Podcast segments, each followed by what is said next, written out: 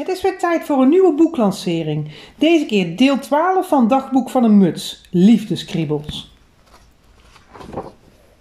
Woensdag 21 mei, 7 uur 15, thuis.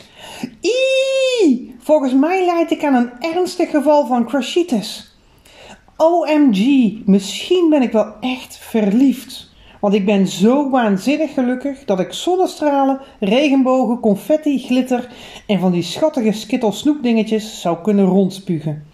Mijn hart bonst, mijn handen zijn zweterig en ik ben een beetje draaierig van alle vlinders in mijn buik.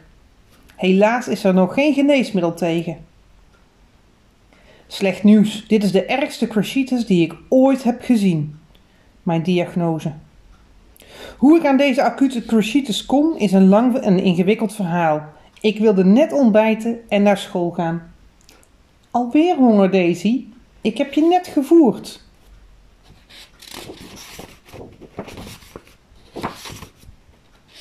Niet te geloven dat Daisy een stiekeme salamisnaaier is. Maar hé, hey, ze is mijn schattige, kleine, stiekeme salamisnaaier.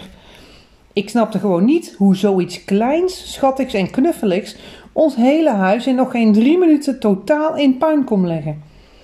Er is eigenlijk maar één verschil tussen Daisy en mijn lastige zusje Brianna.